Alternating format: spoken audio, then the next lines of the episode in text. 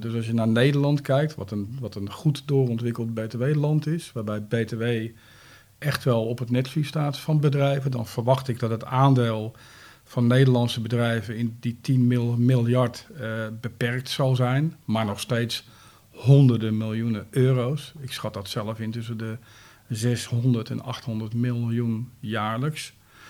Uh, ja, die moet je ophalen. Dat is, dat is toch een afschuwelijk groot bedrag waarvan ik denk van daar zou een regering op zichzelf al heel blij mee zijn.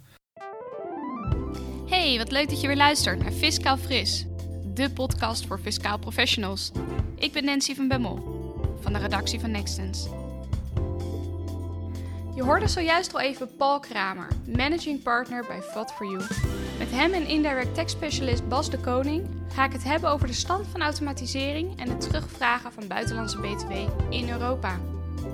Als je namelijk als bedrijf betalingen doet in een andere Europese lidstaat en daarover geen BTW-aangifte doet in die lidstaat, kan je die BTW terugvragen via de Nederlandse Belastingdienst.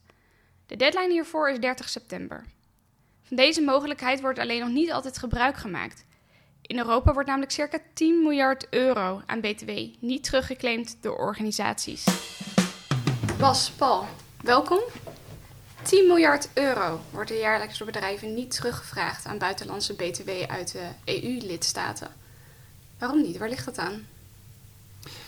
Ja, dankjewel. Um, ja, waar ligt het aan? Ik denk dat als je kijkt vanuit uh, het bedrijfsleven, dat uh, het wordt nog steeds gezien als een, een, een ja, uh, het is een blinde vlek voor veel bedrijven. Um, als je als B2-specialist bij een bedrijf werkt, dan heb je vaak weinig inzicht in de expenses of in de onkostenvergoedingen die worden betaald aan werknemers. Vaak ligt dat bij een andere afdeling of je hebt gewoon minder inzicht op de processen die erachter zitten. Um, of het wordt vaak gezien als een ja, klein bedrag. Uh, je noemt 10 miljard. Ik denk dat dat bij heel veel mensen uh, niet op die manier uh, wordt beleefd. Ik denk dat heel veel bedrijven denken: ach, het zijn maar kleine bedragen. Ja, en wat voor kleine bedragen moet ik dan aan denken?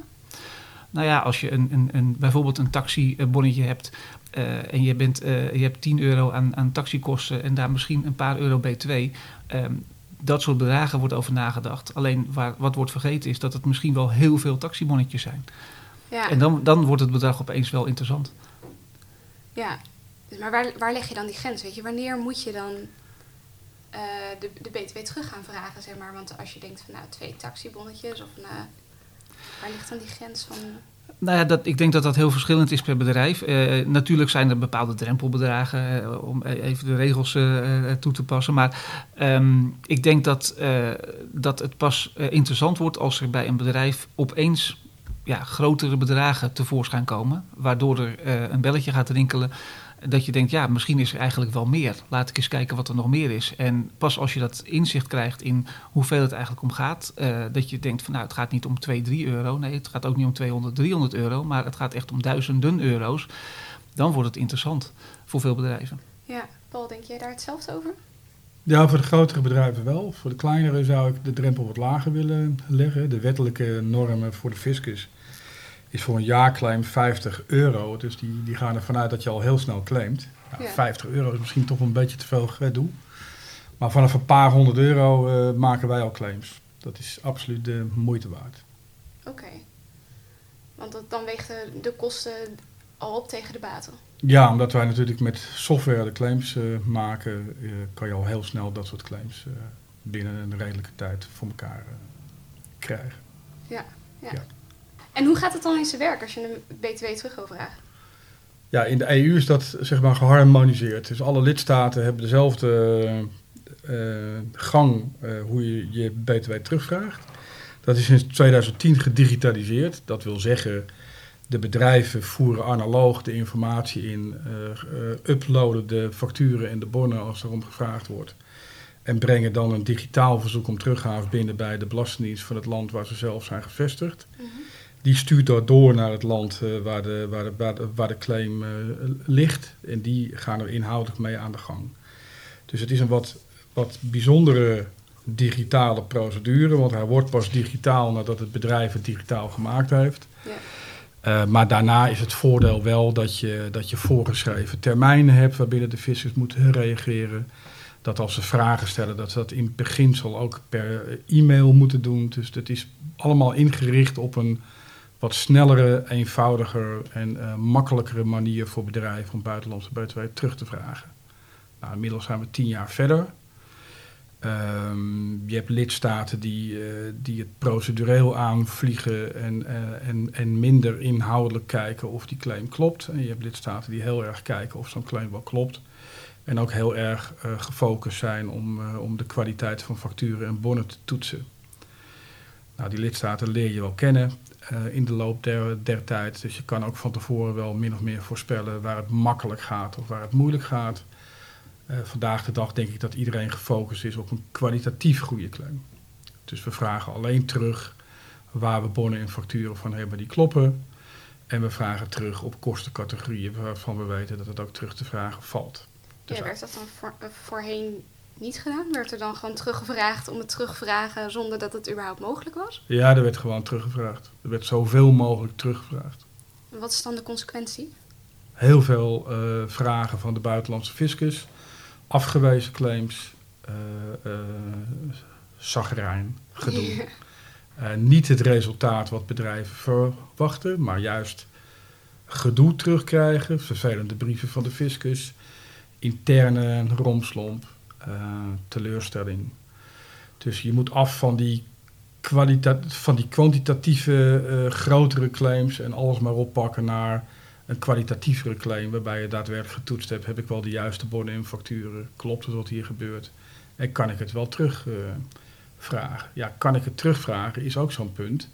Dat staat nergens. Dat moet je dan weten. Dus voor een btw-specialist is dat al, al, al makkelijker. Hoewel het gaat hier om 2200 regels binnen de EU, dus, dus die weten wij niet uit ons hoofd. Dus automatisering helpt daar enorm. Als je al die regels geautomatiseerd toepast op je bonnen en facturen, ja, dan maak je al een hele grote stap. Dan dien je ook een claim in waarvan je weet dat de kans dat die succesvol is en klopt, veel groter is. Dan dat je analoog je bonnen en facturen allemaal zit in te voeren in die portal van de fiscus, zonder dat je eigenlijk weet of je die bonnen en facturen wel terugkrijgt. Ja, ja dus dat is wel een groot voordeel van uh, nou ja, gewoon software inschakelen in plaats van via de Belastingdienst. Uh ja. ja. Ja, en ik denk dat dat ook wel, uh, want je vroeg net wat is een reden dat bedrijven veel geld laten liggen. Ik denk dat dat ook echt een van de redenen is. Dat veel bedrijven hebben de indruk en, en uh, de ervaring ook uh, dat het niet zo makkelijk is om een bonnetje terug, BTW op een bonnetje terug te vragen in een ander land. Omdat je niet altijd de juiste regels weet. in sommige landen kun je de BTW op de autohuur wel terugvragen, in andere landen niet ja, die, die regels weet je als bedrijf niet. Dus in het verleden zijn er veel vragen over gekomen, veel afwijzingen geweest, uh, misschien verkeerde adviezen ook wel gegeven. Uh, en dat is ook iets waarom bedrijven het uh, zoiets hebben van, nou, laat maar. Ja, ja want jij hebt ook ervaring met het terugvragen van, van BTW. Ja, nou ja, ja bij, bij, bij, bij verschillende bedrijven heb ik, heb ik gewoon gezien hoe dat werkt. en, en inderdaad bij mijn huidige opdracht ook dat je gewoon ziet dat er wordt heel veel... Um, kwantitatief teruggevraagd, wat, wat Paul ook net zegt.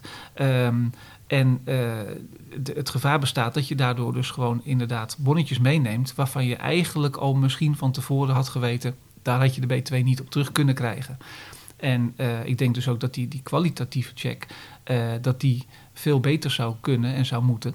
Um, in, in, dat kan ook in de verschillende staat, fases van het hele proces. Dat begint gewoon al met het instrueren van de werknemer. Uh, of of de, de, degene die de onkosten maakt. Dat je zegt van zorg dat het bonnetje of de factuur op de juiste naam staat bijvoorbeeld. Uh, maar daarna ook, hoe wordt dat vastgelegd in je eigen declaratiesysteem? en hoe communiceer je dat daarna naar een buitenlandse fiscus? Ja, ja, want je hebt het al voor meerdere opdrachtgevers gedaan. Heb een bepaald succesverhaal waarbij je misschien wel onverwachts heel veel geld op terug, terug kunt vragen? Nou ja, we hebben het over de, de, de, de bonnetjes met kleine bedragen gehad. Um, die bleven vaak liggen. Uh, en uh, ik heb de ervaring dat uh, waar we het wel hebben gedaan, dat er uiteindelijk best wel grote bedragen werden teruggevraagd en ook werden toegekend door de buitenlandse fiscus. Um, mede ook omdat uh, bij de kleine bonnetjes, om het zo maar te noemen, um, gelden andere factuurvereisten. En daar hoef je niet meteen met alle uh, B2-factuurvereisten aan te komen, uh, waardoor je wat makkelijker ook je geld zou kunnen terugkrijgen. En dat heeft wel in sommige gevallen best wel wat geld opgeleverd. Ehm, en dat kan gaan echt om niet, niet alleen duizenden of tienduizenden euro's, maar zelfs honderdduizenden euro's per jaar. Ja, ja, wauw. En hoe richt je dat dan zo optimaal mogelijk in? Uh, je hebt het over kleine bonnetjes, je hebt het over facturen gehad. Uh, hoe zorg je er nou voor dat je zo'n kwalitatieve claim in kan dienen? Software. En het gebruik van software betekent dat je in een digitale straat wil werken met bonnen en facturen. Dus die bedrijven, dat zijn er tegenwoordig uh, denk ik de meeste, die al hun bonnen en facturen scannen in het verwerken daarvan in een financieel administratiepakket. Of die specifiek op declaratieniveau declaratiesoftware gebruiken, waardoor die bonnen en facturen al digitaal beschikbaar zijn. Ja, dat is het begin van een digitale straat, waarin je dus je financiële administratieve verwerking hebt. En daar kan je het btw-teruggaveproces op laten aansluiten. En als je dat aansluiten ook nog zo makkelijk mogelijk doet door te importeren uh, en, en, en, en zeker geen analoge handelingen doet, ja, dan, dan denk ik dat je optimaal profiteert van de huidige stand van digitalisering. Nou, als je vervolgens die software, hè, want er zijn verschillende pakketten die op zichzelf worden gebruikt, maar er zijn niet veel pakketten die beschikbaar zijn voor eigen gebruik. Als die software vervolgens zeg maar, met kunstmatige intelligentie en een aantal ingebouwde checks en controls al regels toepast en al wat uh, kwalitatieve borging doet, ja, dan ben je bijna bij het moment dat je een verzoek om teruggave kan indienen door een druk op de knop. Ja, dus alleen die checks en controls zijn dan nog handmatig. In feite wel, ja. ja. Als je kijkt hoe wij dat doen, dan, dan, dan is dat letterlijk wat wij doen. Wij proberen juist aan de voorkant aan te sluiten bij die bedrijven die in die digitale omgeving alles al beschikbaar hebben. Uh, uh, en, en, als dat nog niet zo is, dan, dan, dan helpen we ze mee om te kijken hoe dat op de juiste manier komt. Ja, dan importeer je in één keer de gegevens en de scans van de bonnen bij ons in de software. En dan is het een kwestie van controleren. Ja. Was, heb jij dat ook zo gedaan voor je opdrachtgevers? Was het echt mogelijk om dat gewoon met één druk op de knop nou, dat, dat, is wel een beetje de ideale wereld. Uh, helaas werkt het in de praktijk soms uh, toch wel anders. Uh, omdat je gewoon afhankelijk bent nog steeds van die eerste input. Uh, als een werknemer gewoon niet de juiste factuur heeft of niet het juiste bonnetje heeft, dan gaat het daar mis. En die kwaliteitscontrole is dus inderdaad belangrijk. En, en daar moet je ook wel meteen zorgen dat het goed zit. Als dat goed zit, en je hebt je goede declaratiesoftware, het gaat juist in je ERP-systeem, je krijgt de juiste rapporten. Ja, dan ben ik het helemaal met Paul eens. Dan kan het uh, heel efficiënt gaan. Um, maar wat je gewoon merkt is dat, um, uh, dat, dat er gewoon vaak uh, de, de basis, daar, gaat het, daar, daar moet het goed gaan. En als dat goed gaat, dan heb je inderdaad kans dat het veel efficiënter gaat. Ja, ja dus het is echt dat declaratieproces. Ja, wat Bas zegt klopt. Want uh, als wij voor een bedrijf starten, dan is die eerste gang die wij maken is vaak teleurstellend. Omdat we misschien maar een derde of een kwart terugvragen van de potentie die terug te vragen is. Ik geloof dat het gemiddelde van de afgelopen jaargang komt uit op net geen 40 procent wat we in een teruggaveverzoek kunnen opnemen van de potentie die we eerder hebben geïdentificeerd. Dat is teleurstellend, maar tegelijkertijd is dat wel je vertrekpunt om te zien wat je als bedrijf allemaal niet kan verbeteren. En eerlijk gezegd zit daar voor mij ook de lol in om ervoor te zorgen dat het proces verbeterd wordt en dat je dichter bij die potentie komt. Ja. Ja, om nog even terug te komen waar we mee begonnen. En dat is dat dus 10 miljard euro niet wordt teruggevraagd. Waar zit dan nog, ja, los van dat dus uh, ze die potentie niet zien van de kleine bonnen, maar waar zit dan nog meer die weerstand om hiermee aan de slag te gaan? Want ik, het, klinkt als zo'n groot bedrag wat bedrijven eigenlijk laten liggen. En zeker in de coronatijd uh, lijkt me het gewoon heel nuttig om dat uh, ja, wel binnen te halen voor je bedrijf. Ehm, ja, nee, ik ben het met je eens. Uh, er zit zeker potentie in. En uh, ik denk dat uh, in de afgelopen jaren um, dat het, ehm, het, het, inzicht bij bedrijven ook wel is gegroeid. dat er aan de andere kant ook wel wat weerstand is ontstaan omdat er in het verleden gewoon um, ja, toch minder efficiënt is gegaan. Of dat er inderdaad te veel afwijzingen zijn geweest. Of dat er inderdaad gewoon mensen uh, te weinig inzicht hebben in wat er precies in, het, uh, in, in die expenses omgaat. Ja. Um, en uh, wat, wat ik ook merk in, in, als ik, als ik met, met andere B2-mensen praat, is dat ze vaak ook zeggen van ja, weet je, wij focussen ons liever op grotere of andere prioriteiten. Omdat ze denken dat die belangrijker zijn. Het, het, idee dat er nog ergens in een archief een doos ligt met allemaal stoffige facturen, dat is eigenlijk nog steeds wat er heel veel leeft bij, bij BTW'ers. Uh, waarbij ze denken, ja, daar ga ik me toch niet druk om maken. En, en dat besef, dat begint langzaam wel weer terug te komen. Maar ehm, dat, dat, dat is gewoon waardoor er, denk ik, heel veel bedrijven toch wel laten liggen. En, en wat Paul net al vertelde, dat het is al lang niet meer die stoffige doos in het archief. Nee. Heel veel bedrijven die werken natuurlijk met software waar een declaratiesoftware bij, waarbij bonnetjes automatisch al moeten worden gescand en geüpload door de werknemer, waarbij je bepaalde velden in moet vullen. Nou, die informatie is er gewoon al lang. De scans zijn er. Dus die kun je, daardoor kun je het nu veel efficiënter doen dan inderdaad tien jaar of, of vijftien jaar geleden. Ja, ja, en ik denk dat de 10 miljard die daar genoemd wordt, hè, dat is een foto die al tien jaar lang wordt verteld. Dat is het totale bedrag in de, alle EU-lidstaten.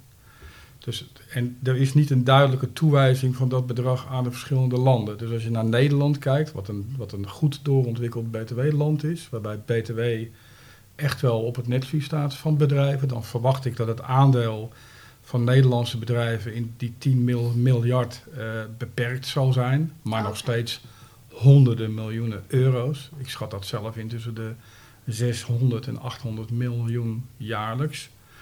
Uh, ja, die moet je ophalen. Dat is, dat is toch een afschuwelijk groot bedrag ja. waarvan ik denk van daar zou een regering op zichzelf wel heel blij mee zijn. De invloed van COVID is natuurlijk enorm. Ik bedoel, de omvang van het reizen en verblijven uh, gaat voor 2020 en wellicht volgend jaar ja, tenminste met de helft naar beneden, maar misschien nog wel meer. Tegelijkertijd denk ik dat COVID twee dingen doet. Het doet het volume terugbrengen. Dus die 10 miljard is niet meer de 10 miljard als je naar 2020 kijkt, maar wordt misschien nog maar 4. -hmm. Het aandeel in Nederland is niet meer die 600 tot 800 mil, miljoen zoals ik dat inschat, maar misschien nog maar 200. Maar tegelijkertijd, uh, onder COVID-druk is cash king. Dus iedereen wil toch wel maximaal zijn kaststromen weer op orde hebben. Nou, dan is dit denk ik ook perfect het moment om eens kritisch te kijken hoe kunnen we dit goed voor elkaar krijgen en makkelijker ingericht krijgen om dat toch ja. naar ons toe te halen in plaats van het te laten liggen. Overigens, Bas, die, het aantal stoffige dossiers in die archieven, het verbaast me nog steeds, maar, maar het, het, ja, dat is er nog, nog altijd. Het zijn nog steeds ordners met weggestopte facturen en bonnen, vaak nog de originele facturen en bonnen netjes apart gehouden met ook het oogmerk om die claim in te dienen, die dan niet wordt ingediend. Oh. Dat is echt, dat is, dus op de een of andere manier vind ik dat we nog steeds een missie hebben en nog steeds een boodschap hebben te brengen naar de markt. Uh, uh, uh, met ook vooral die partijen die zich dus bewust zijn dat het terug te vragen is, ook al de actie hebben ingericht om dat te gaan doen en het vervolgens gewoon niet doen. Of tot de conclusie komen dat de deadline zo dichtbij is dat ze het niet meer halen. Ja. Dus op, op de een of andere manier is, zijn de bedrijven ook ingericht in, in zeg maar het pro proces naar die deadline toe. En iedereen wacht tot ongeveer deze periode. Wij krijgen nu iedere dag berichten van mensen die vragen: kunnen we nog wat doen? Ja, dat, dat, dat, dat gaat nog wel, maar ja, dat had ook in maart gekund of in april. Of uh, je kan ook per kwartaal al een verzoek doen. Ja, ja je hoeft helemaal niet te wachten tot, uh, tot het laatste moment. Sterker nog, wacht alsjeblieft niet tot die deadline.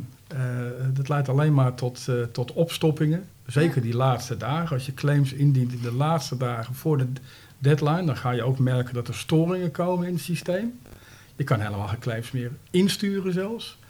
Dat wordt best uh, spannend. En als je als bedrijf pas twee weken voor de deadline bij de Nederlandse fiscus je inlogcodes gaat aanvragen in die specifieke portal, dan ben je waarschijnlijk ook wat te laat. Dan red je het niet eens meer. Want de fiscus die, die heeft daar tijd voor nodig.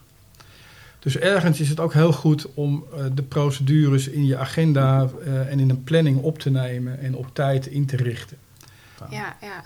Want waar we eigenlijk ook al eerder over spraken, maar nu ook zeker met COVID wel heel erg speelt. Wanneer nou wel en wanneer nou niet? Zeg maar, heb, heb je daar een specifieke soort van lijn voor wanneer je bedrijven aanraadt om. Je bedoelt een bedrag? Of ja. Een, ja. Ja, wij gebruiken als norm vanaf 1000 euro terug te vragen BTW is het altijd de moeite waard. Oké. Okay. Ehm, en dan is altijd, eh, hangt af van hoeveel bonnen en facturen in aantallen zorgen voor die duizend. Ik bedoel, als het dat voorbeeld is voor dat bonnetje van Bas met die taxibon van een tientje, waar eh, 60 cent eh, btw in zit. Ja, als als er daar 300 van zijn die je ook nog eens een keer analoog moet doen, dan loont het waarschijnlijk de moeite niet. Maar als je, als je de, kijk, de gemiddelde, ik heb dat al heel even nagekeken, bij ons wat we allemaal geprocessed hebben aan bonnen en facturen in claims. En even in gedachten houden dat we een derde tot, een, tot 40 pro, procent daadwerkelijk in claims hebben gestopt van de potentie die we binnen hebben gekregen. Dan, eh, dan zegt onze database dat het gemiddelde bedrag van een bon die bij ons in de claim is gestopt is 8,10 euro. Oké, dus dat is, dat is vrij laag, ja. Dus in die Ja. mix van, van grote facturen en kleine bonnetjes, en in die mix kom je op dat bedrag uit. Nou, als je dat nou als gemiddelde bedrag vasthoudt, dan kan je ook wel ongeveer inschatten wat de moeite waard is om te stoppen in zo'n claim. Maar nogmaals, met automatisering, ja, eh, eh, kan je het zo efficiënt voor elkaar krijgen dat het al heel snel de moeite loont. Dus Ja. 1000 euro is voor mij de grens. Daaronder is het ook gerechtvaardigd als het een paar tientallen bonnen en facturen zijn. Ehm, dus ja, ik, eh, ik, ik, ik, ik heb persoonlijk de missie om mensen uit te leggen dat je, dat je recht hebt op dat geld. Dat je je recht eh, eh, kunt kennen als je in die software zit. Want dan worden de regels al toegepast. Dus je bent de onzekerheid kwijt die je hebt als je zelf een claim maakt in de portal. En als je dan dat inzicht hebt, en je hebt ook het inzicht wat je laat zitten, omdat je bonnen en facturen niet de juiste bonnen en facturen zijn, en daar kan je aan verbeteren, dan heb je ook nog een pro- proces te pakken waarin je kan groeien en je omvang van je teruggaafrechten kan vergroten. Ja, dat lijkt mij eh, voldoende reden om er eens een keer goed naar te kijken. Ja, ja. En de luisteraars van Fiscaal Fris zijn natuurlijk met name de belastingadviseurs. Heb je nog tips voor, voor hen specifiek? Nou, als, als ik kijk hoe, hoe je dat als bedrijf aanvliegt, dan. eh, eh, ik denk dat vaak het inzicht ontbreekt bij een B2-manager of bij een CFO of wat dan ook, dat je eh, niet ziet hoeveel geld erin omgaat. Ik denk dat dat ook een eerste insteek kan zijn om te zeggen: van, joh, heb je er wel eens naar gekeken? Sowieso. Ehm, en, en wat je dan ook ziet vaak is dat ehm, een, een B2-manager soms of een taxmanager niet altijd inzicht heeft in de expenses zelf. Omdat die via bijvoorbeeld eh, afdeling personeelszaken gaan en dergelijke. Eh, wel zien ze vaak de, de, de gewone facturen die via de gewone accounts payable afdelingen worden verwerkt. En als daar buiten onze B2 op staat, dan gaat er vaak wel een belletje, belletje rinkelen. Ook omdat het vaak om, om grotere bedragen gaat. Ehm, en wat je ook ziet is dat, je, dat die, die B2 eh, ook vaak wel wordt teruggevraagd. Maar dat de expenses op een of andere manier worden vergeten. Terwijl daar heel veel geld in gaat.